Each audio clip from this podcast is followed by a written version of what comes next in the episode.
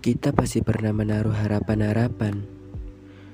Mungkin secara tidak langsung semakin berharap dan yakin jika dia pasti milikku. Tetapi harapan-harapan yang seperti itu bikin kamu sakit hati.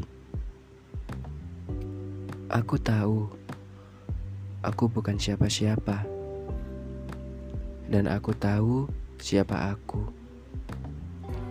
Seharusnya aku tidak berhak untuk marah atau kesal. Kamu mau tahu kenapa aku begitu? Aku cemburu, tapi aku tidak bisa terus terang. Aku takut, takut jika aku bilang begitu, kamu memilih menjauh. Lucu sih, bukan siapa-siapa tapi cemburu. Dan seharusnya aku sadar, aku tidak berhak untuk cemburu. Kata Dilan, cemburu itu buat orang yang tidak percaya diri. Tapi kataku, cemburu itu manusiawi.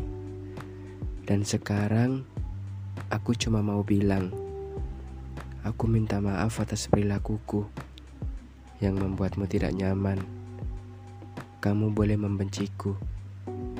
Kamu juga boleh meninggalkanku. Terima kasih atas semuanya.